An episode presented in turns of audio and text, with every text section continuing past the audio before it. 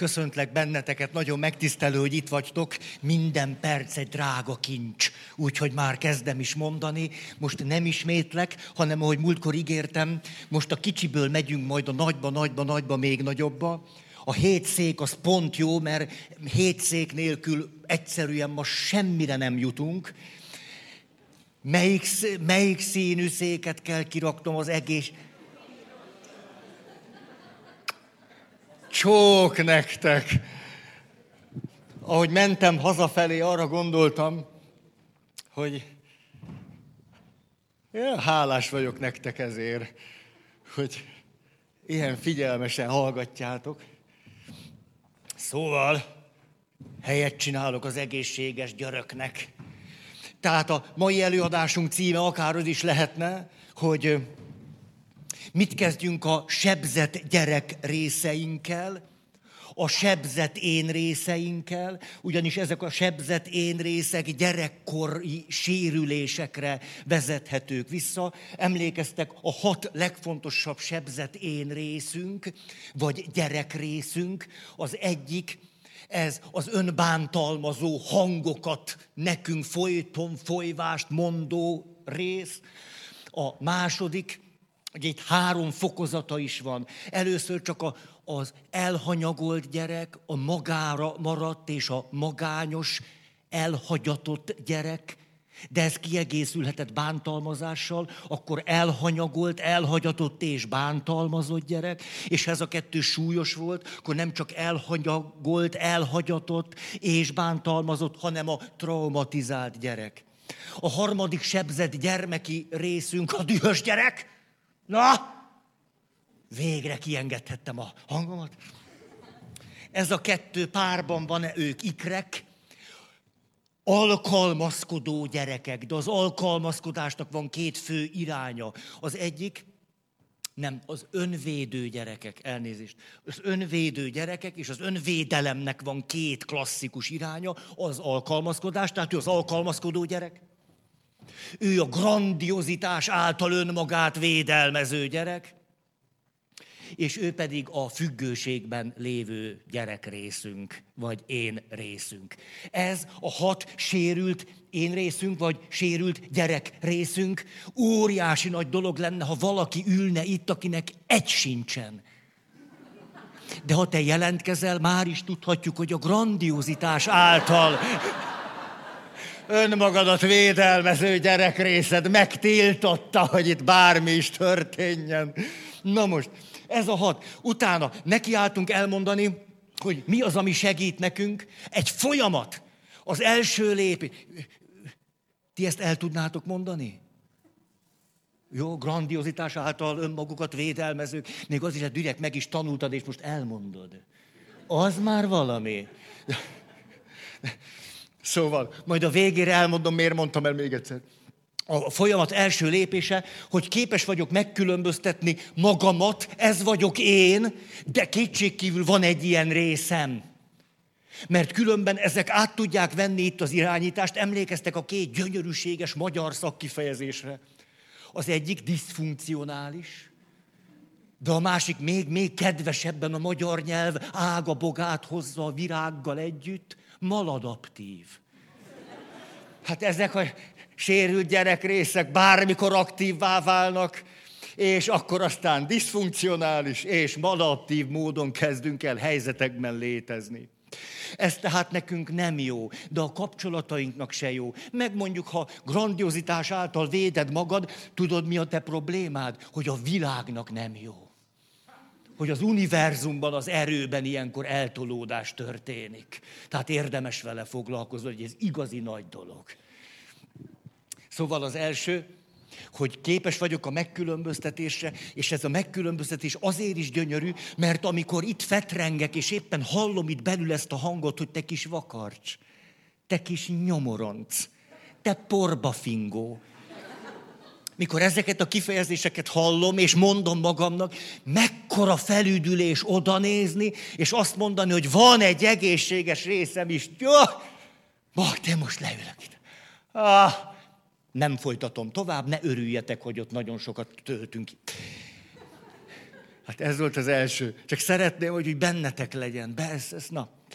Második lépésünk, hogy újfajta probléma tudatot fejlesztünk ki, aminek két része van. Mert amíg ő tart a markába bennünket, joggal is mondjuk azt, hiszen egy gyerekkori sérült részünkről van szó, azt mondja, ez már a múltban megtörtént, és már nem tehetsz semmit. Hát ez a hang joggal mondja, mert tényleg a múltban volt, és tényleg megtörtént, és tényleg ott már csináltam, amit csináltam. Hát gyerekként nem sok lehetőségem van. De az újfajta probléma tudattal rácsodálkozom arra, eljövök az egészséges részembe, innen alakul ki az újfajta probléma tudat, onnan nem alakul ki. Itt a régi probléma tudatom van, hogy szörnyű, hogy bér vagyok, hogy lehetetlen, hogy magányos vagyok, hogy mindenki egyedül hagy, hogy semmi értelme az egésznek, hogy csak a nagy büdös semmi van. De az is gyök alatt eljövök az egészséges részembe, itt egyszer csak lehetőségem van az újfajta probléma tudatra. A két lényeg, hogy ezek a hangok és ezek a sérült gyerekrészek a jelenben aktívak. Hát a jelenben mond nekem szörnyűségeket, alkalmazkodik akkor amikor nem kéne, próbál mindenki fölé kerekedni, ezért azt a kapcsolatainak. Na, a negyedik feleségedet kérdezd meg, hogy mennyire adaptív, amit csinálsz. De mindenről jut eszembe egy történet, de most az a nehézségünk, hogy két alkalom van. És én arra gondoltam, hogy most már egyszer mindent bele szeretnék tenni, ami még ott van anyagban, és akkor értitek. Tehát ma valami könnyed, nagyszerű eladásra, ne is várjatok. Tehát az alkalmazkodás által önmagukat védőknek ez egy jó alkalom lesz. A haragos gyerek félidőben távozhat. Szóval, rájövök, hogy ezek a sérült én részek itt és most a jelenben válnak aktívvá, döntenek helyettem, és beszélnek helyettem, és éreznek mást. Én itt mást érzek, mint ő. Mást is gondolok, mint ő. Hát itt más cselekvési stratégiáim vannak, mint nekik. Nekem itt más emlékeim vannak, mint nekik. Itt az egész testemben más van, mint ő nekik. Hú. Ez megint szakirodalom volt, a négy pont. Itt mást érzek, az mást érzek, mást gondolok, másra emlékszem, és mást élek át a testemben, mint ott. És az új probléma tudat itt alakul ki, és rájövök, hogy a jelenben történik mindaz, amitől a, én magam és a kapcsolataim szenvednek, vagy szenvedünk, és hogy Éppen, hogy én itt tudok valamit csinálni. Éppen, hogy tudok. Hát a jelenben miért ne tudnék bármelyikkel... Oké? Okay? Ez volt a második új probléma, tudat. Harmadik, rácsodálkozom arra, hogy amikor kialakultak ezek a sérült gyerekrészek, akkor volt értelmük, hogy az emberi lélek semmit sem tesz cél nélkül. Hogy ott és akkor, amikor kialakultak, ezek a sérült én részek a segítségemre voltak, valahogy segíteni akartak nekem. Most azonban nem az van, ami két évesen volt. Tehát most már, ha ők irányítanak, nem vagyok jól. De két évesen még ez volt a legjobb ötlete a bennem élő emberi természetnek. De most már felnőtt vagyok, ezért most már a saját felnőtt ötleteimre is szükségem van. Oké. Okay. Negyedik, akkor rájövök arra, hogy én nekem van közöm ezekhez a részekhez. Például, aki grandiozitás által védi magát, nem egyszer narcisztikus is, egészen akár a narcisztikus személyiségzavarig, és például a narcisztikus személyiségzavar egyik klasszikus ismérve, hogy a narcisztikus személyiség kialakulása tulajdonképpen olyan, mint egy hatalmas önvédelmi apparátus, mint egy önvédelmi rendszer, és az egész azért van, hogy a sérült gyerekrész bene kopogtasson. Az egész egy túlkompenzálás. Helyhaj. Tehát a függőnél is, a grandiozitás által, vagy például az alkalmazkodónál, hogy egyszer csak a... Te jó ég, én, én egyszerűen csak mondjuk csinálhatnám azt, amit akarok. Akkor itt az alkalmazkodó, hülye vagy? Legalább öt előzetes kérdésünk van. Másoknak bántasz-e? Ártasz-e? Fáj-e? Tetszik-e mindenkinek? Mindenki aláírja-e? Mindenki helyesli-e? Minden más ember elvárásának megfelele? Na, úgyhogy inkább ne csinálj semmit. Hát fölfedezni az alkalmazkodónak az, hogy ez egyszerűen hihetetlen, hogy Örkény István mondja, az annyira gyönyörűséges. Hát nem tudom, örkény, egyszer nem, Örkény István nem lehet megunni. De a, ebben az egy percesben mindig a feleség vásárol. Nem tudom, megvan ez a történet. Mindig a feleség vásárol, és mindig tudja, hogy mit kell venni, és, és kiszámítja a pénzt, és ő kezeli a, a családi kasszát. Igen, ám, de a feleség súlyosan megbetegszik, 40 fok, nincs nagy baj, de vásárolni nem tud. És fölírja nagyon pontosan, tételesen, hogy mit kell venni a férjének, még azt is, hogy hány darabot, és azt is, hogy körülbelül mennyire fog kerülni. És mondja, hogy ellenőrizze aztán, és ebben a gyönyörűséges egypercesben a férfi bemegy a boltba, de egyedül 30 éve nem vásárolt. Kezében a szatyor, és először persze az alkalmazkodó részbe beteszi, beteszi, beteszi, beteszi, beteszi, nézi a listát, beteszi, beteszi, hány van, igen, beteszi, és egyszer csak, hogy fölpillant, azt látja, hogy van mogyorós boci. Nézi a listát, a listát. Hú, a listán nincsen magyaros buci. De ott van! És Örkény István valahogy így fejezi ki, egyszer csak valamiféle, valamiféle szenvedély ragadja el a férfit, aki 30 éve nem vásárolt egyedül, és azt mondja, legyen magyaros boci. És megy, és egyszer csak gumimaci. Öt! Öt! És elfogja a mámor, ezt mondja Örkény István. És végül egy púpos kosárral a vásárlás mámorától kizzadva. Szóval, ez óriási nagy dolog, mikor valaki az alkalmazkodással védi magát, és egyszer csak átéli annak a szabadságát, hogy vehetek gumi medvét.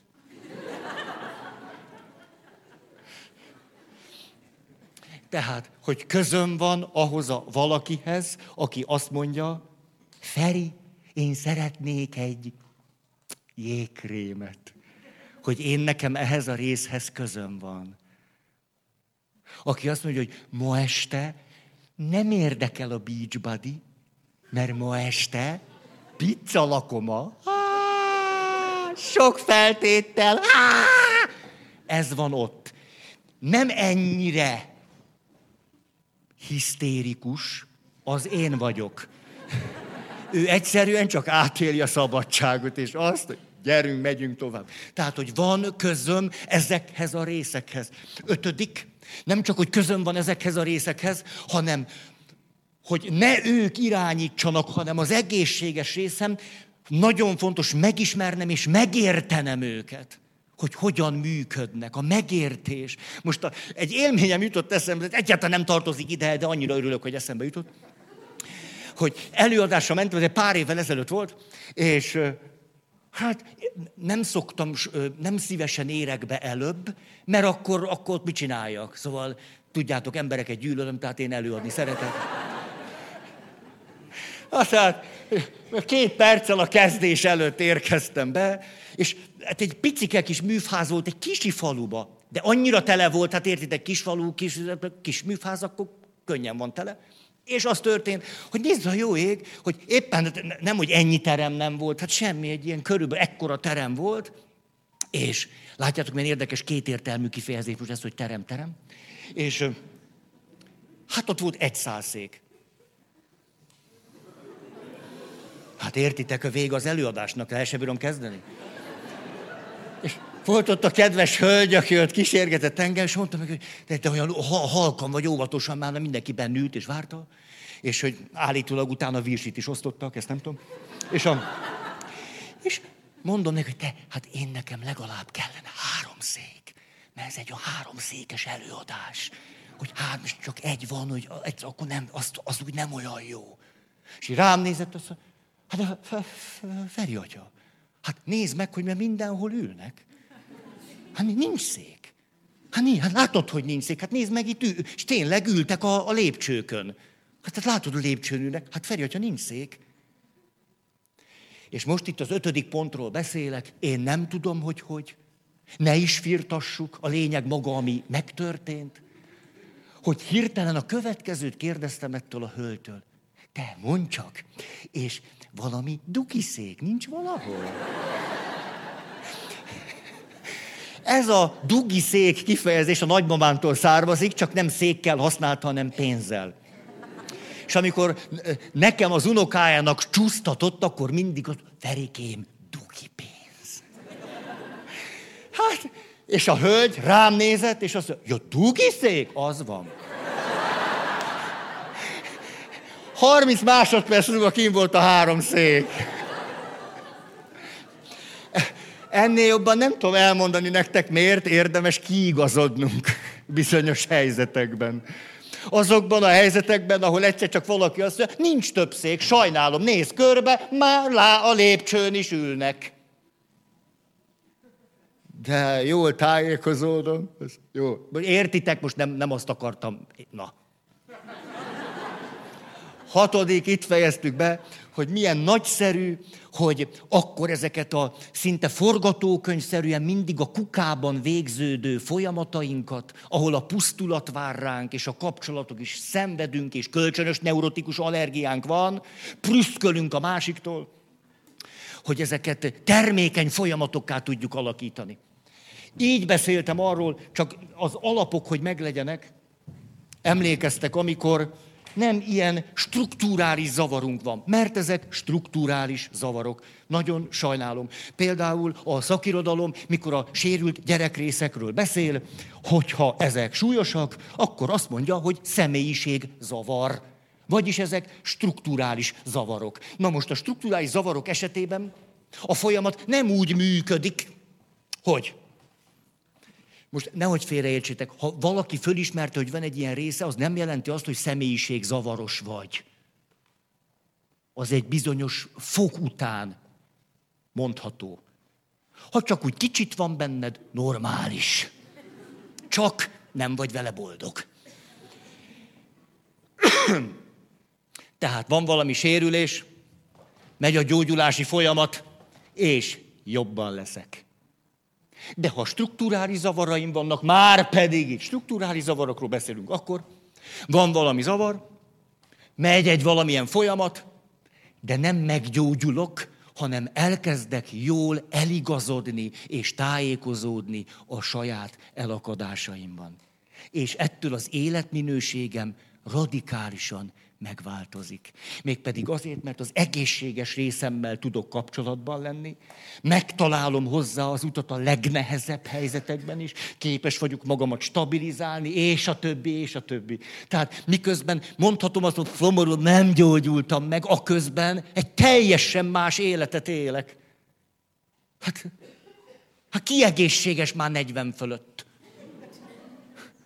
Hát a, a testünkkel is tök jól el vagyunk, hogy megőszülök, hogy kihullik, hogy... Na, most a többit ne firtassuk. Ja, tehát például, nem tudom, szerintem a halljunk meg egészségesen mozgalom nem, nem annyira... Na. Következő folyamat.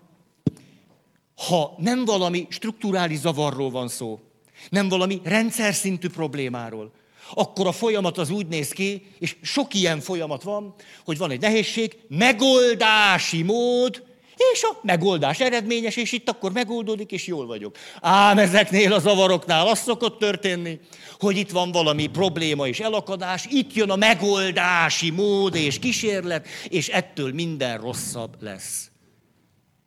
Ugye hát el tudjuk képzelni, nem, készülök egy, egy vizsgára, Hát lehet, hogy van köztetek kertészeti egyetemista. Hogy készülök egy vizsgára, és ilyenkor ugye meg kell oldanom ezt a helyzetet, és belül elkezd szólni az első hang, hogy úgyse fog sikerülni.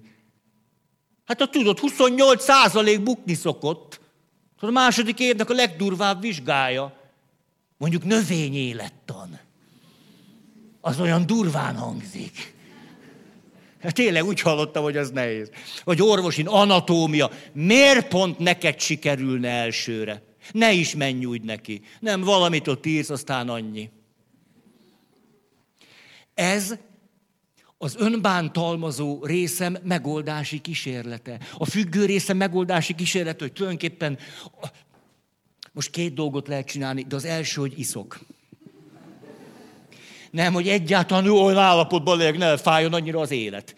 És amikor már eleget ittam, és már nem fáj annyira az élet, akkor eldöntöm, hogy most tanulok-e vagy nem. Hát ezt mondják maladaptívnak. Szóval, tehát strukturális zavaroknál, rendszer szintű problémáknál, itt van a probléma, itt van a megoldási kísérlet, és az eredmény még sokkal rosszabb. Vagy krónikusan rosszabb, mindig ugyanúgy rossz. És nem jutok el oda, ahova szeretnék.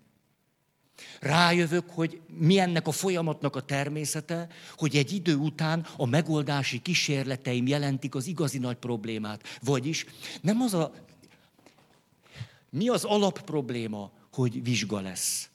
Ez nem egy annyira durva probléma, de hogyha én minden vizsga előtt nagyon sok alkoholt iszom, akkor a megoldási kísérletem válik az igazi problémává.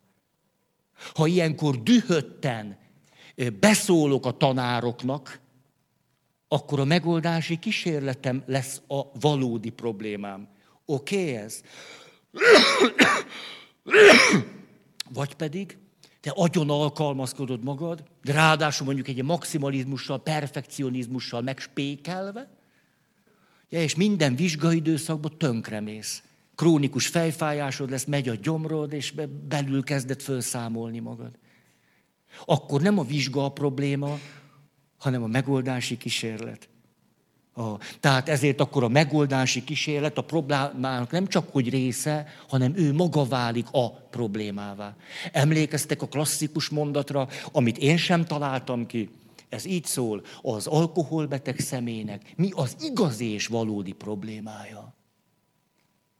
Mert ha egy rendszeresen alkoholt ivő, nem ivő, ivó szemét, annyira melegem, nektek is? kitűrhetem?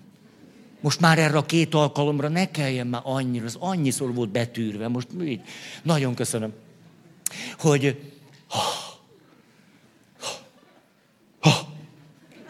oh, de jó érzés. Ti is nyugodtan.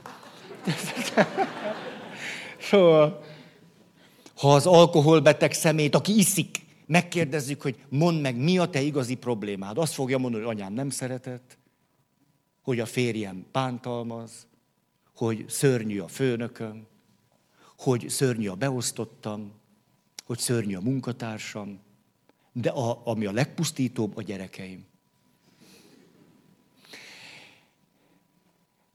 Az alkoholbeteg személy valódi problémája, hogy alkoholbeteg. A függősége a valódi problémája. Miközben a függőség egy megoldási kísérlet volt már picikorától kezdve a személyvesztésre. Az egy megoldási kísérlet volt. Ma néztem épp az egyik hírportálon, lehet, hogy a számokat nem mondom pontosan, nézzetek utána, ível kezdődik, hogy Magyarország, tényleg, hogy most nem magyarországi kutatás, intern, okos eszköz használ, okos eszköz használat, képernyős cucli használata. Három éves kor alatt a gyerekek 42 százaléka. Három éves kor alatt gyerekek 42 százaléka, amerikai pszichológiai társaság három éves kor alatt javasolt idő nulla perc iskola érettség, tehát kisiskolás, első, másodikos Magyarországon több mint 90 százalék. Ez azt jelenti, hogy egy olyan kultúrában élünk, ahol, hát hogy is mondjam, tömegtermelésben gyártjuk le a kötődési zavaros következő nemzedékeket. És ezt pontosan lehet tudni, ebben most nem akarok belemélyedni. És mi ebben a szándékos vakság rész, hogy utaljak az éves témánkra, az, hogy a megkérdezett szülőknek több mint 60%-ának az a meggyőződése, hogy ez nagyon-nagyon jó.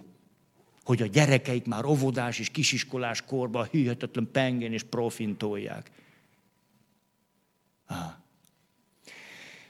Tehát például az, hogy ő függő módon próbál helyzetekkel valamit kezdeni, az a kicsi gyereknek a megoldási kísérlete a személyvesztésre. Ugye nincs személy, aki megnyugtat, nincs személy, aki dajkál, nincs személy, akinél az érzelmi hullámzásom le tud csillapodni, akár a haragom, akár a félelmem, a szorongásom, vagy a tanácstalanságom. Nem akarom tovább ragozni. Tehát egy pont után a megoldási kísérletek válnak a valódi problémává. Ezért az alkoholbeteg személy valódi problémája a függősége. És tudjuk a kutatási eredményekből, csak szívesen hozom, hogy tények, tények, tények, hogy sok alkoholbeteg személy egy idő után annyira tönkrement élettel próbálkozik talpon maradni, hogy nagy százalékuk valamikor egy komolyabb depressziós fázison is átmegy. Hiszen elégtelen az érzelmi önszabályozása hiszen az érzelmi teherbíró képessége nagyon gyönge. Hát persze, hogy akkor kikezdi őt a depresszió és a tanástalanság, tehetetlenség. És akkor a kutatók ugye két irányból mentek, voltak olyan terapeuták és pszichiáterek és addiktológusok, azt mondták, hát nézd, egy depressziós személye mit kezdjek? Ugye hát először segítsük, jöjjön ki a depresszióból, és utána nekiállunk az alkohol problémájának. Voltak mások, azt mondták, ne, ne, ne, hát Hát a valódi probléma az alkohol probléma. Álljunk neki az alkohol problémájának, aztán nézzük meg, hogy mi a helyzet a depresszióval. Mit gondoltok azok a terapeuták, akik először a depresszióval foglalkoztak, és utána akartak foglalkozni a szenvedélybetegséggel, hány százalékos eredményességgel dolgoznak? 5, 15? A helyes válasz nulla százalék. Mert nem a problémával dolgoznak. Azok, akik elkezdenek a depressziós és szenvedélybeteg klienseiknél a szenvedélybetegséggel foglalkozni, ez nem zárja ki azt, hogy egy súlyos depresszióra föl lehet írni az orvosságot. Nem zárja ki azt, hogy természetesen ahhoz is nyúlok, de nem az a téma. Nem azzal kezdek el alapvetően foglalkozni, hogy mikor lett, és miért, és mi történt. És ez azt jelenti, hogy mit gondoltok azoknál, akik a függőséggel kezdtek el dolgozni, a depresszióval egyáltalán nem törődtek, vagy épp csak a minimális szinten, amennyire egyáltalán hogy kellett ahhoz, hogy, hogy, hogy ezzel a résszel itt lehessen dolgozni. A klienseknek hány százalékának szűnt meg a depressziója magától? Igen, sokat mondtok. Az az jó, nagyon jó, 40 százalék. Tehát majdnem a fele a szenvedélybetegeknek, ha a szenvedély betegségében előrelépett, a depresszió magától megszűnt. Ez jelenti azt, hogy rendszer szintű problémáknál, strukturális zavaroknál kétségkívül van egy kezdeti probléma, de a megoldási kísérleteinktől vagyunk igazán rosszul. És ezért nem ezzel dolgozunk, hanem ezzel. És amikor valaki ezzel megbirkózik, érdekes módon éppenséggel azokat a kompetenciáit fejleszti ki, amelyek ide is hatást gyakorolnak. Ha-ha. Vagyis a jelen. Ha-ha. Ez gyönyörűséges. És még egy folyamatot akarnék mutatni, ez pedig, ugye itt van valami ö, probléma és nehézség. Jaj, ígértem is nektek, hogy egy családi konfliktust fogok hozni. Itt van a férfi, itt van a nő, látszik, hogy házastársak egészen hasonlultak egymáshoz. Férfi azt mondja, ha legyen ő a sötétebb. Most én, én ne is haragudj, egyszer megőrülök, hogy egy disznóba kell hazajönni. Megőrülök ettől. De most való, valódi mondatokat fogok mondani, amiket hallottam azoktól, akik megőrülnek attól, hogy disznó van otthon. Azt mondja, értsd már meg, hogy ez az én otthonom is, Hát nem tudok otthon lenni akkor, hogyha egy rohadt kuplerájba jövök haza. Hogy az előszobában nem tudom lerakni a cipőt, hogy a táskámnak már nincsen hely, hogy már az előszobába belerugok egy matchboxba, hogy utána ott megyek tovább, ott akkor rám dől egy partvis. Hát te megőrülök, hát hol legyek otthon, ha nem itt? De hát amit te, meg a gyerekek, de a gyerekek a te segédleteddel csinálnak, ebbe csak bele dilizni lehet. El fogok költözni. Hát ezt úgy csináltam, mintha lenne feleségem, nem? Feleség azt mondja, te szerencsétlen. Tudod te egyáltalán mi az, hogy otthon? Otthon. Hát az otthon az, ahol az ember végre lelazít.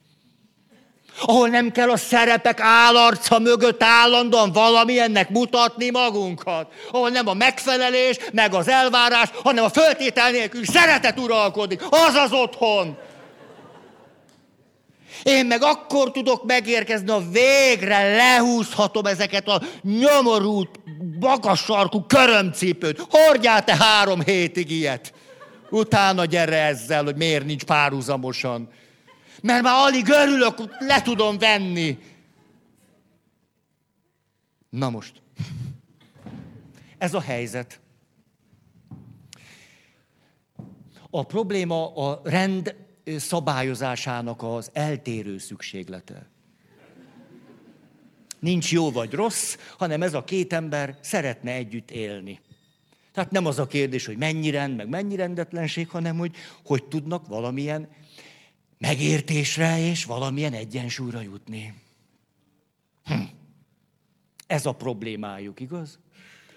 De ha úgy beszélgetnek egymással, ahogy ezt most láttátok, ez annyira pusztító, tudjátok, durvanyítás után már csak 10% esélyünk van, hogy jó véget érjen az este.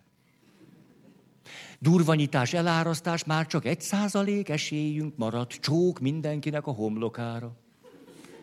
Ebből az következik, hogyha így intézzük krónikusan a rendrendetlenség témájának az úgynevezett megbeszélését, ez a megordítása, akkor előbb-utóbb, és most ide hozok még két széket,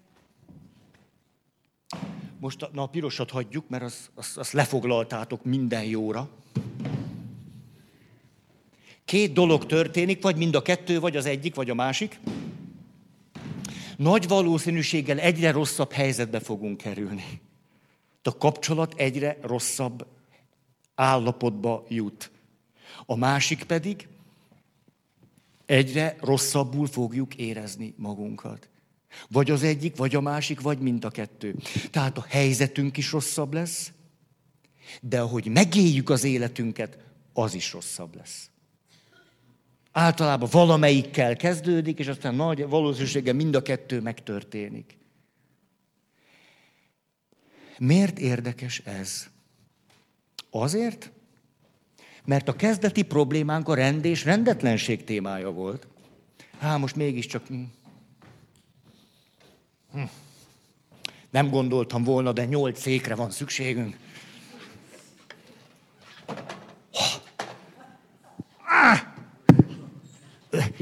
Ide most ész is kéne.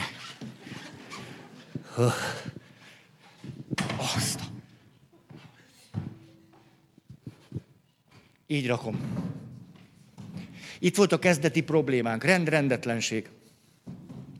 Amikor az a témánk, hogy kellő rend, nem kellő rend, tulajdonképpen a helyzetünk nem annyira pocsék. És az érzéseink nem annyira elviselhetetlenek.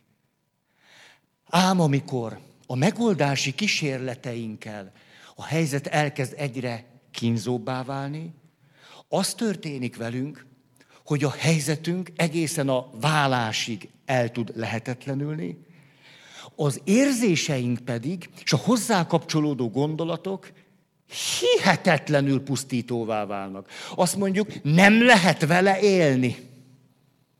Egyszerűen nem normális, hogy ezt nem lehet épésszel kibírni. Hogy e, e, komolyan egyszerűen szívinfarktust fogok kapni.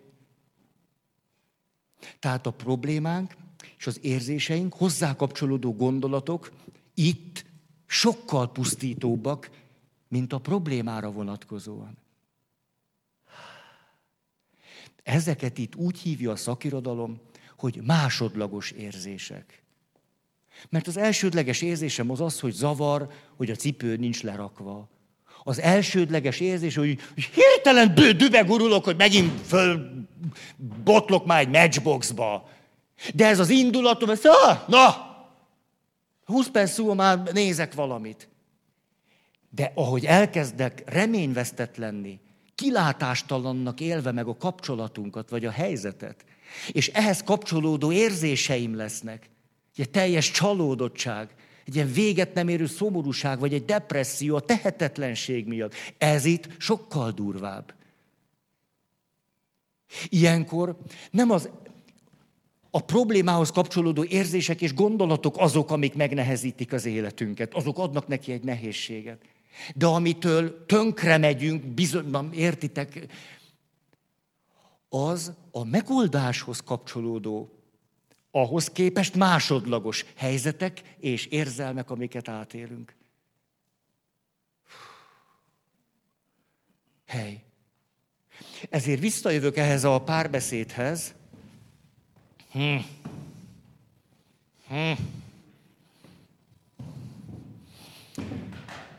A feleség azt mondja, ja, ő itt ül.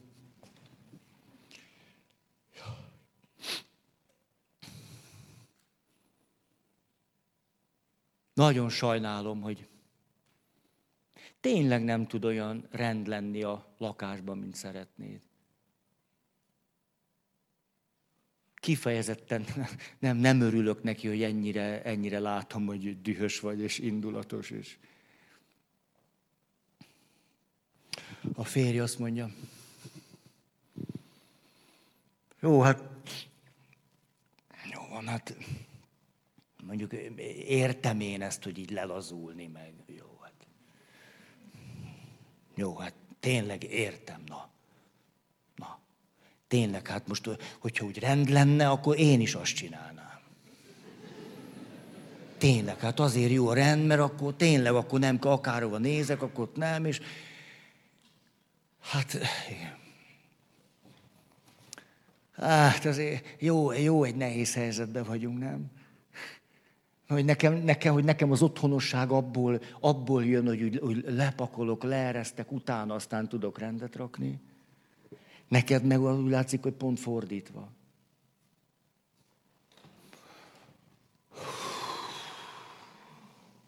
Hát ennek nem lesz könnyű megoldása, azt tuti. Hogy magunkat ismerem.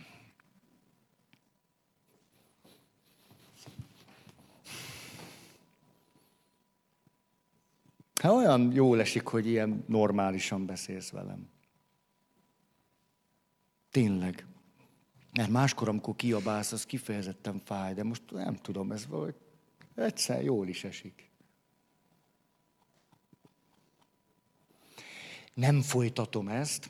Az a kérdésem, hogy, na itt van a férfi, a nő, hogy a folyamatoknál vagyunk, hogy szerintetek mi volt a lényege ennek a második beszélgetésnek?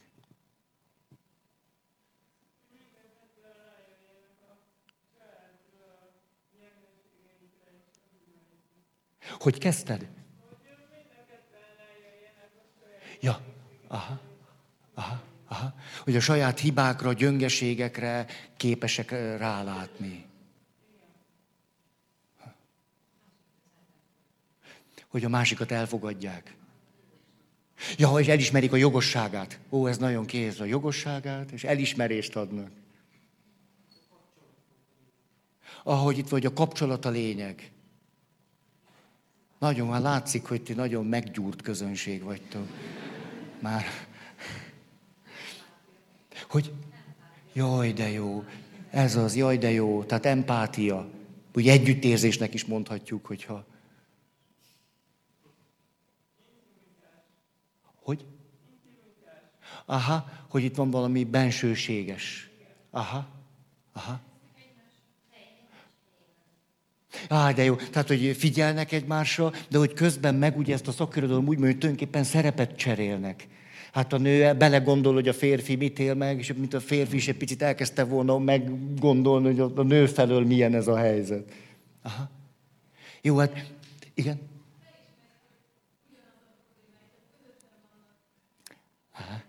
Aha, aha hogy ez egy közös probléma. De, de szuper jókat mondtok. Hát, hát, hát most már akkor év vége meg a bugi. Hadd mondjam el, hogy tulajdonképpen, ha John Gottman lenne itt, ő mit mondana, ha a saját könyvéből mondaná. Mert hogy mit mondana, azt nem tudjuk, de hogyha használná a saját maga által írt könyvet, akkor azt mondaná, hogy a lényeg, azt úgy hívják, ahogy mondtad, együttérzés, megértés, egymás kölcsönös tisztelete és megbecsülése, és az, hogy törekedtek arra, hogy a másik és maguk is biztonságban érezzék magukat. Tehát megértés, együttérzés, megbecsülés, biztonságérzet. Ebben tudjátok, mi a nagyon szép? Hogy most ide rakom egy, ezt a széket, mert hogy egy folyamatról beszéltünk. Megértés, együttérzés, egymás megbecsülése, biztonságérzet.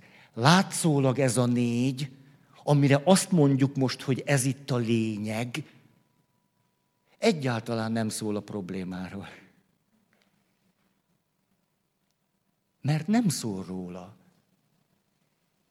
Nem, itt, itt semmi, semmi megoldási javaslat nem született a rendrakásra, az igazság itt, itt egyszer meg se jelenik, hogy kinek van igaza, meg mi a rend, nem tudom, közös nevezője, hogy mikor normális a rend, és mikor nem normális. Az az érdekes, hogy amikor rendszer szintű nehézségeink támadnak, akkor érdekes módon, miután a problémánk már az elégtelen megoldási kísérlet, ezért a lényeg nem az, hogy valaki mennyire precízen és pontosan tájékozódik a rend és a rendetlenség témájába. Hívhatunk ide rendszakértőt, és ő elmondja, hogy lehet sokkal időt kímélőbben rendet rakni, ezt elmondja a feleségnek. A férfit megtanítjuk indulatkezelésre. És nem ezen múlik. Nem a probléma kezelésén múlik, hanem azon, ahogy egymással bánunk, meg ahogy magunkkal. Hogy ez, a, ez lesz a lényeg. Ez gyönyörű szépnek látom. Ugyanis ez a kezünkben van. Nem tudjuk megmondani, hogy rendrendetlenségben mi, azt hogy kell csinálni. Elkezdek töre, csak mondom, elkezdek egészséget. Elkezdek törekedni a megértésre, abból általában újfajta érzések fakadnak. Ugye, hogy szerepet cserélek veled, és hogy tényleg ez akkor neked mennyire fárasztó lesz, vagy hát tényleg tönké, én is azt szeretném. Ugye, hogy tulajdonképpen nekem a rend után jönne az, hogy akkor tudok nyugis lenni. Ó, hát akkor ezt nagyon meg tudom érteni, hogy te mikor jössz, akkor mennyire jól esik lerakni a cipődet, mert akkor te már rögtön megéled azt, amit tulajdonképpen én is szeretnék. Ó, tehát a megértésből nagyon gyakran valami együttérzés fakad, de persze lehet fordítva is. A a haraggal együtt emlékeztek a kulcsmondatunk, a legtöbb ember, mikor haragszik a társát, leértékeli. Ez lehet megvetés, egészségedre, lenézés, minősítés, kritizálás, bántás. Pff. Amitől ugye a helyzet egyre rosszabb lesz. Nem a rendrendetlenség témája a kulcs, hanem, hanem a, az, hogy elkezdtünk nem egymás kölcsönös megbecsülésében lenni. Hát ha, ha lenézzük és megvetjük egymást, akkor akármilyen zseni mondja is meg nekünk, hogy pontosan mit kell csinálnunk a rendrendetlenséggel, nem vagyunk jóban. Nem esik jól együtt lenni. De már pedig azt szeretnénk, nem? Nem a rend a nagy témánk. Szóval hogyan tudunk együtt lenni? És ennek a kulcsa ö, ö, biztonságérzet. És tudjátok, hogy a biztonságérzet van leginkább összefüggésben a sérült gyerekrészekkel. Mert a sérült gyerekrészek ez a legősibb vágy, hogy biztonságban lenni, ebben mindegyik sérül. Mindegyik. Ezért van óriási jelentőség, hogy magamat és a társamat biztonságba tudom helyezni. Oké. Okay. Szóval rendszer szintű problémáknál, strukturális zavaroknál nem a probléma hihetetlen pontos elemzése vezet a megoldáshoz, hanem hogy ehhez a négy dologhoz visszatérek. És emlékszem, egy két perccel ezelőtt kezdtem el egy mondatot, hogy és ebben az a szép, hogyha van megértés, együttézés, megbecsülés és biztonságérzet, ezekből önmagukból jó ötletek származnak. Anélkül, hogy bárki nekünk meg kellene mondani, hogy mit csináljunk. Ez pont úgy van, mint amikor szenvedélybeteg a szenvedély betegségével kezd valamit, a depressziója magától megszűnik. Ha megértés, együttézés, megbecsülés és biztonságérzetből én magam rájövök, hogy mit lehetne csinálni. Gyönyörűnek látom. Emlékeztek itt a gyerek rész, és egyszer csak a kreativitásomnál vagyok, új ötleteim lesznek, nem vagyok lebénult, lezsibbat, nem emészt föl valami érzelem, nem vagyok kétségbeesve a helyzetünktől, hanem egyszer csak lesz egy ötletem. Ha-ha. És akkor kreatív folyamat lett, egy mindig a kukába végződő játszmából, vagy mi az a szó, amit most keresek? Mi volt ez ilyen? Ah, mindegy. Öröm? Ez jó. Hát az örömet, az, az jó. Na most, meg tudtuk állapítani, hogy mi a lényeg. A, a lényeglátó gondolkozásra nagy szükségünk van, amikor új folyamatokat csinálunk, az azáltal lehetséges, hogy lényeglátó gondolataink támadnak. Az háromfajta lehet, emlékeztek-e? Az egyik, nagyon pontosan meg tudom mondani, mi a lényeg, de ezt már kielemeztük. A másik, elkezdek folyamatokban látni. A folyamatokban látást is megértettük, mert rájöttünk, hogy itt miről van szó. Hogy itt már most a probléma kezelésétől vagyunk rosszul, és ha továbbra is így kezeljük a rend rendetlenség témáját, még az is lehet, hogy el fogunk válni. Látjuk, hogy honnan, hova megyünk, és mi lesz a következő lépés. De azt is látjuk, hogy tudjátok, így van, hogy amikor a, a, a szerelem hormonális bumja után visszarendeződnek az én határok, akkor megint előszeretettel kezdünk úgy gondolkozni, hogy én és te, te és én. Ezért a miből már inkább az én te felé megyünk, és ez teljesen normális. Ezért nem érdemes megrémülnünk tőle. Mert ha megrémülök ettől, jönnek a másodlagos érzések és gondolatok. És ettől leszek pocsékul. Nem attól, hogy kezdünk megint inkább én és teben gondolkozni. Mert az normális. Az mindenkivel így történik. Hogy a szerelemben ajándékba kaptuk annak az élményét, mit jelent erőfeszítés nélkül örülni annak, hogy mi, és erőfeszítés nélkül a háttérbe tenni azt, hogy én. A szerelem ezt munkanélkül megadja nekünk. És nem is rossz, ugye? Háttérbe tartani azt, hogy én, és átélni azt, hogy mi. A legtöbben szeretnek szerelmesek lenni. Mondjuk-e két dolog miatt is tutira. De a hormonális bum után ez az ajándékba kapott erőfeszítés nélkül megteremtett élmény, hogy mi, és magamat háttérbe teszem, visszarendeződik, és megnyilatkozol te. Mert az a két év a szerelem volt. Ez meg vagy te. És ezért akkor rájövök, hogy te jó ég, hát hogyha ha, ha én rajtam múlik, akkor én egy elég undogdög vagyok. Aztán ha én rajtam múlik, hát én egy akarnok zsarnok vagyok. Te jó ég! Hú. Na, a szerelem azt mutatja meg, hogy ha jól csináljuk, ilyen is lehet. De szerintem tök jó. Oké. Okay. És itt még szeretnék, hogy a lényeglátó gondolkozás kiismerjük magunkat a témáinkban, és új folyamatokat kezdünk, hogy annak mindig van egy olyan része, hogy képes vagyok rendszer szinten gondolkozni.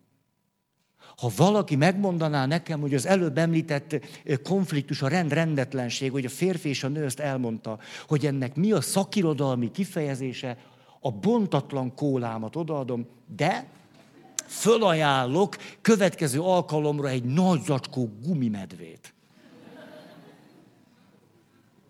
Ezt valaki megmondaná. Hogyha rendszer szintű megközelítéssel nézzük ezt a konfliktust, segítek egy kicsit, jó? Hát, ha... Emlékeztek, a férfi azt mondta, értsd már meg, nem tudok otthon lenni addig, amíg kupleráj van. A nő azt mondja, de hát én is azt akarom, hogy otthon lehessek. Tehát akkor tudok otthon lenni, hogy amikor hazaérek, nem még 25 elvárásnak kell megfelelnem, hanem végre elvárások és szerepek nélkül lehetek itt. Hát aztán utána majd, hát még azért még mondjuk a, na, a csótány nem költözött be hozzánk. Hát azért te is látod, hogy Nem, nem húzom az időt sokáig. Hogy az. A kólát már is odaadom, és kérem szépen, jó, muszáj, hogy esz, eszembe jusson a gumimedve. Parancsolj, köszönöm. Ha, tudta valaki. Elmondom, ne, de hát ne, de nem csinálom azt, hogy köszönöm, akkor most ketten tudjuk, megyünk tovább. Ezt, ne, ne, hát nem vagyok, nem vagyok ez a fajta. Ezt úgy hívják, hogy cirkuláris okság. Az élőrendszerekben, a társkapcsolatban is rengeteg cirkuláris okság van. Mi az, hogy cirkuláris okság? Az az, hogy a férfi azt mondja, én akkor tudok otthon lenni itt, hogyha előbb rendet raksz. A nő azt mondja, én viszont akkor tudok otthon lenni, ha először nem kell rendet raknom. Ha először itthon lehetek, utána rakok rendet. Ő pedig azt mondja, először rakjál rendet, mert akkor tudok itthon lenni. Ezt nevezik cirkuláris okságnak. És a cirkuláris oksági helyzetek számtalan van egy társkapcsolatban, azért válnak a megoldhatatlan helyzetek részévé, mert mind a ketten nem rendszer szinten gondolkozunk, hanem lineárisan. Ez pedig azt jelenti, hogy a férfi azt mondja, egészen nyilvánvaló, hogyha a feleségem egy kicsit normálisabb lenne, minden problémánk megszűnne. Tehát ő az oka a fönnálló helyzetnek. Ennyi. Két barátommal is beszéltem, mind a kettejüknél nagyobb rend van otthon. Igen. És az egyiknél még két gyerekkel több is van. Részletesen kikérdeztem, tudom, hogy meg lehet csinálni. Ez a lineáris gondolkozás, de ez egy rendszer. És a nő is azt mondja, nézd, hányszor könyörögjek már neked, hogy fogok rendet rakni, de először hagy érkezzek meg. És én elmentem a cukiba a barátnőimmel, és ötöt is megkérdeztem, hogy mit gondolnak erről, és mind az öten, bár különböző süteményt tettek, tehát biztos, hogy ez valami mély dolog. Mind az öten azt mondták, hogy írmuskám, Hát egy, egy olyan helyen, ahol a férfi az előszobába ordít, hogy hogy áll a szandál, az ilyen férfi nem szeret.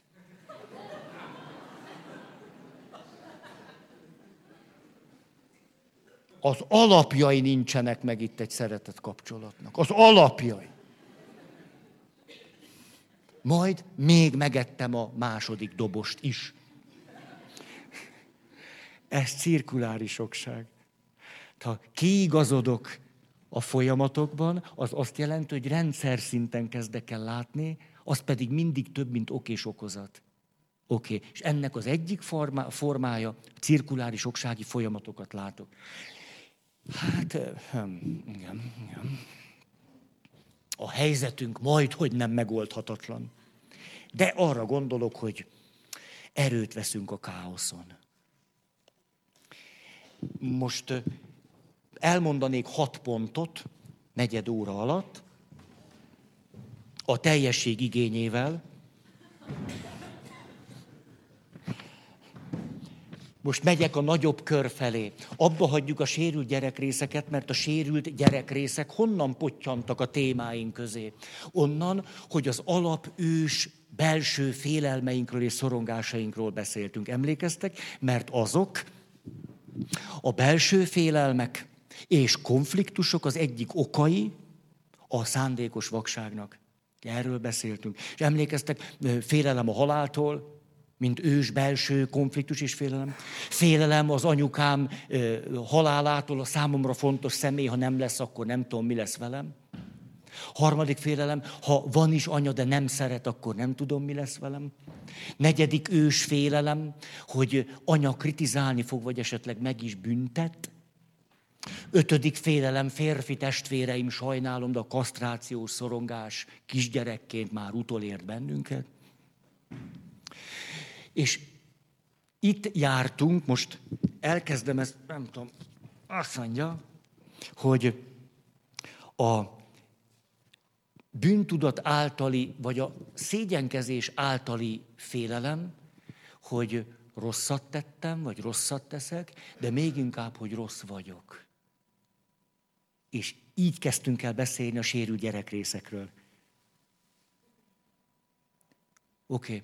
Emlékeztek, mindig megmondtuk, hogy mi a pozitív kimenet, de most ezt nem ragozom. Mert megyek a hetedikre, a személyiség fejlődés folyamatában a hetedik félelmem az úgy néz ki, ős, belső konfliktusból fakadó szorongás vagy félelem, ez pedig, hogy van valamilyen emberi természetem, és ez az emberi természet majd valami olyasmit csinál, ami, amiből nagy baj lesz hogy hát ilyen vagyok, vagy ez egyszerűen csak, csak jött belőlem, mondjuk nagyon kellett pisilni, emlékeztek, hogy én például milyen jó ízűt pisiltem a, a Arany János utca szobafalára, mikor kisgyerek voltam, mert onnan sokkal jobban lehetett rajzolni. És ott annyira jó, jó, jól lehetett firkálni, és a, hát a nagymamám nem örült annyira. Ez a természet, a bennem élő természettől való félelem hogy van bennem valaki, vagy valami, egy ilyen ösztönös ter, valami, ami a leginkább a természet, és ha ez elkezd bennem eluralkodni, akkor vége van. És akkor lehet, hogy büntetés lesz, lehet, hogy rossz gyerek lesz, lehet, hogy büntetés lesz, értitek, és akkor most nem ragozom. Anya majd nem szeret, sőt, el is hagy, sőt, el is fognak válni, és akkor kiderül, hogy na, a pusztulat. Olyan szépet hallottam, Fanándort kérdezték, hogy tulajdonképpen, hogy van ott kinn az óceánon? Hogy, hogy hát ott az, az, az többenetes élmény lehet a természetről. A fanándor azt mondja, hogy hát az, az biztos, hogy döbbenetes élmény, de egy valamit mondhatok az összes többi hajós társam nevében is. Azt mondja, sosem harcolunk a természettel. Hát hogy? Mi a 20 méteres hullámmal? Vagy, vagy a, a, mivel? A golfáramlattal? Vagy mi? Mivel kéne harcolni? Azt mondja, nem, kén, akik mi vagyunk, azért merünk egyáltalán kifutni, mert nem harcolunk a természettel, hanem például mondta, hogy az egyre pontosabb időjárás előre jelzések nyomán sokkal jobban tudunk igazodni a természethez. De közben pedig nem azt jelenti, hogy átadjuk a természetnek a stafétabotot, és akkor épp amilyen áramlat, meg amilyen szél, az ki tudja majd mi lesz. De dehogy is. Hát mi pontosan tudjuk, hova akarunk eljutni. De a természettel nem harcolok, megismerem a természetét, és azt mondja, ez olyan gyönyörű, azt mondja, nagyon gyakran pont, pont célirányosan nem lehet A-ból B-be eljutni. Hogy egyszerűen ne, nem ez a természete a természetnek, hogy A-ból B-be egy nyíl egyenes vonal. És milyen érdekes, Carl Gustav Jung pontosan ugyanezt mondja. Azt mondja, az emberi lélekben nagyon gyakran a legrövidebb út a kerülő út. És ezt most már mindannyian értjük. Ugyanis, amikor a rend és rendetlenség a nagy témám, mi az egyenes? Legyen rend! Vagy a férjem fogja be már fáját. Hogy ez az egyenes út, nem? Hát két jó egyenes utunk is van, csak egyik sem működik. És mi a kerülő út? elkezdjük azt a belső veszkődés, küzdelmet, harcot a megértésért, az együttérzésért, a megbecsülésért és a biztonságérzetért, ez a kerülő útunk. De köz egészségedre. De enélkül, a kerülő út nélkül nem jutunk célba, hanem kicsináljuk egymást meg magunkat. Tehát a legrövidebb út a kerülő út.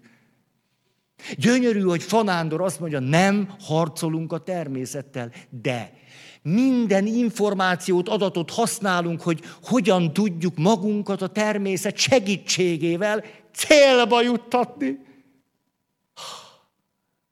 Hát nem csodálom, hogy valaki egy egész életen keresztül ebben van benne. Annyira csodálatosan modellezi az életet, nem, nem csodálom, hogy ennek valaki a mestere akar lenni.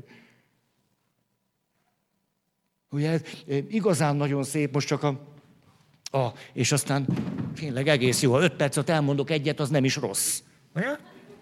És akkor már megyünk is tovább, ez most csak ide pöttyintem. Hogy ugye Freud azt mondja, hogy van az ösztönén, van a felettesén. Ugye hát a felettesén hm, a cél. Ösztönén, hát csak a cél arra van, és kell, hogy legyen itt valaki, azt mondta, hogy van egy én. És erős énre van szükség, hogy az erős én elneveszítse szem elől, hogy mi a célja. Például tavaszodik, nyílnak a rózsák, és a szerelem bimbót hajt. De nem a feleséged iránt epekedsz, hanem Izaura Bejön nekem az Izaura tévé. Annyira egyszer, le... tényleg, megígérem nektek, a nyári szünet alatt fogok nézni belőle. Nagyon. Nyáron mindig tartok egy, egy ilyen egy-két romantikus hetet. Komolyan. Hát ezt szoktam nektek erről beszélni. Ez nagyon jól esik nekem. Igen, mert van a Feri, meg a Teri. És a... Hát a női részemet ilyenkor táplálom legkomolyabban, ez, ez annyira komoly, nagyon. Szóval az én el nem engedi a célt, de nem ül át ide azt mondani, hogy mindenki pusztuljon. Mit akarsz te? Nem, nem, nem, nem. Azt mondja, nem, én a célt el nem engedem, de ahhoz, hogy oda eljussak, kell nekem jó áramlat, ugye? Kell nekem jó szél, kellenek jó hullámok, ez mind kell nekem. Ezért, ha most legszívesebben... Na nem, mert akkor mondjuk egy professzor úr hogy tart előadást legközelebb. Szóval, hogy ez így van akkor. Aha. Ugye a, a nagy nehézségünk az, amikor a természet teljesen a, a markába kaparint, és elvesztjük a célt. Valaki meg csak célba akar jutni, és elveszti az erőt, hogy a természet erejét. És akkor megy egy nagy erőködés, kiégés, az élettelenné leszünk teljesen. Kár nem úgy mondta, mint Freud. Nyilván nem azért, mert nem olvasta el Freud tankönyvét. Kortársak voltak, ugye, tehát valószínűleg nem belőle tanult. A, Jung azt mondja, nekem jobban is tetszik, amit mond, azt mondja, hogy van egy ős belső konfliktus az emberi természetnek, ez pedig, hogy itt van bennünk a természet szava, ami a növény és állatvilággal hoz rokonságba bennünket, és itt van bennünk a kultúra, ami a legsajátosabban emberivé tesz minket. Ezért valahogy ennek a két világnak vagyunk a polgárai. És azt mondja, ha túl sok túl sok a természetből és nagyon kevés a kultúrából, akkor elkezdünk úgy működni, mint egy állat. Ha túl sok a természetből, akkor ebből rengeteg fájdalom és szenvedés fakad. Ha túl sok a kultúrából, megbetegszik az állat. Annyi neki. Ketrezbe zárva, ételt se adunk neki. Hamar ki fog múlni. Ezt érzékletesebbnek látom. Tehát, hogy az ember a kultúra és a természet ütközés pontjában próbál valahogy, de úgy, hogy mind a kettőt tartom. Gyerünk, megyek tovább. Ez annyira, ez egy, ez egy inspiráló dolog, hogy három perc alatt négy pontot el kell mondani. Hű, pedig itt még példák lennének, nagyon jó történetek, ezeket átugrottuk most, mert nem, egyszer erre nincs idő, tehát nem szórakozni jövünk ide. Vizsgai időszak is jön, tehát most már komoly részek vannak. Következő. A nyolcadik félelem, ős belső konfliktusból fakadó szorongás, kontrollvesztéstől való félelem.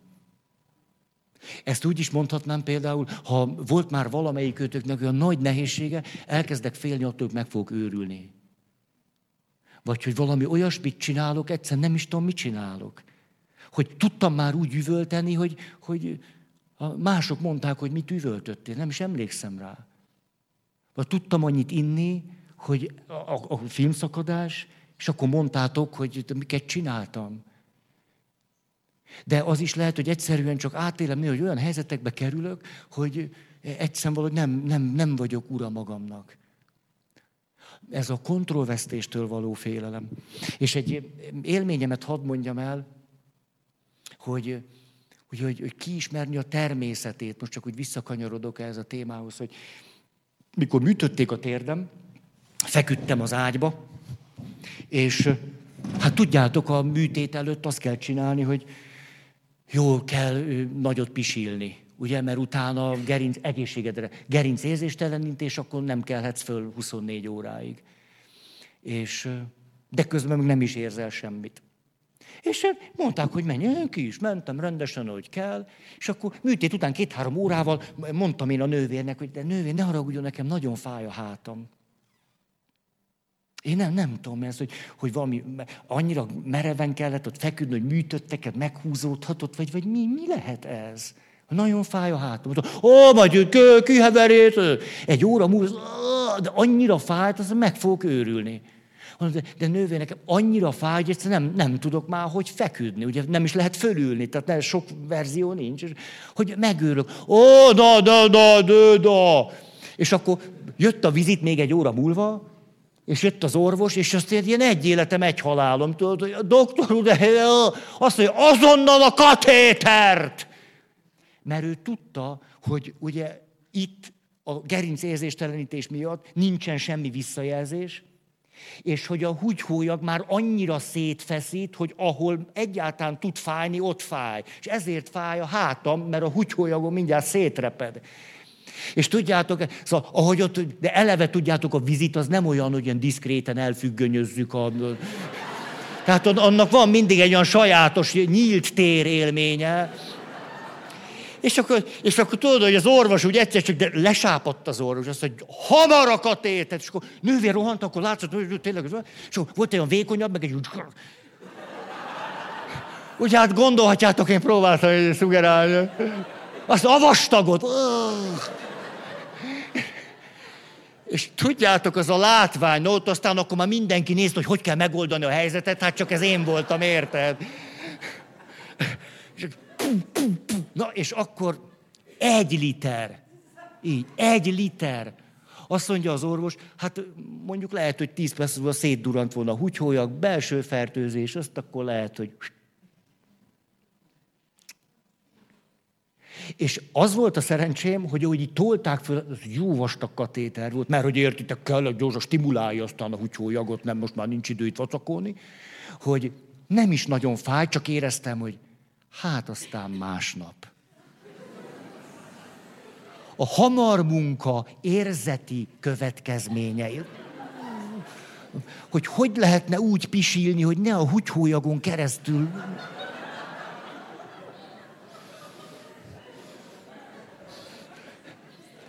Ez jutott eszembe a kontrollvesztéstől, hogy hát, hogy itt az én kezemben nem volt semmi, az biztos, ami hogy nekem nagyon fáj a hátam, értitek? Nagy hősies volt nagyon. És mi történt? De most tényleg, jó, hát ez még belefér. Hogy, hogy feküdtem három-négy napig, de nem jött ki belőlem más. Nem, na mindegy, ez így volt. Egyszer csak látogatási idő volt háromtól ötig, mondhatom a kórház nevét is, de tök mindegy, mert nyolc ágyas kórterem, bevonultak családok, roma család, szóval volt minden, a búcsúba. Ott ült a egyházközségi képviselőtestület egyik tagja, nem tudom, úgy, úgy döntött, hogy ez valahogy hivatalból is megnéz. És a, ne, nem volt köztünk semmi, semmi különösebb személyes viszony. És hát így csörgött, ott emlékszem, hogy a szürke marhákról beszéltünk.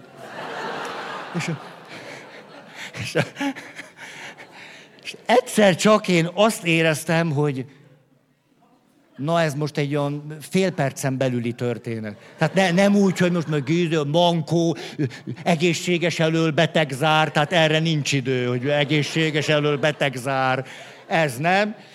És mondta, hogy te add már nekem ide az ágytálat. És ugye azt történt, értitek, 30 ember ott, minden aranyosak, sütitesznek, üző,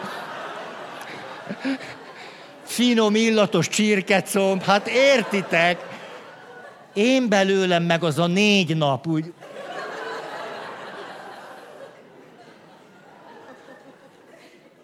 Hát, de úgy a felénél már én kezdtem szédülni. És az volt a gondom, hogy úgy éreztem, hogy annyi minden jön ki belőlem, hogy én nem tudom, hogy volt-e már ilyen helyzet, vagy csináltátok-e már ágytálba. Mert azért annak van egy, egy befogadó képessége. És én arra gondoltam, hogy ez már most szerintem azon kezd túlmenni, és a katéteres élmény után már nem voltam naív, hogy ne történhetne meg bármi, és ezért elkezdtem így homorítani. Ettől viszont a szagok is utat nyertek. És jól mértem fel a helyzetet, de azt a pillanatot képzeljétek el, ahogyan úgy egy, egy ilyen vadhomorítás után. És akkor ott az az egész buké, a maga színes, virágos módján. És, kér, és ugye akkor már nem a szürke marhákról beszélgettünk. És én szerintem egy életen keresztül hálás leszek ennek az egyházközségi képviselőtestületi tagnak, aki azt az egész cuccost kivitte. És, a, és azt láttam, de ez is felejthetetlen, ahogyan két-három kedves rokon megy, és az összes ablakot kinyitották. Tehát a, a kontrollvesztéstől való félelmet igazán megérthetjük, egy elég komoly szorongás. De hogyan megyünk ki pozitívan belőle? Valahogy úgy, hogy rájövünk, hogy tényleg van ilyen, és hogy amikor, amikor nem a mi kezünkben van a kontroll, valahogy akkor is valakinek a kezébe vagyunk. Nagyon köszönöm a figyelmet.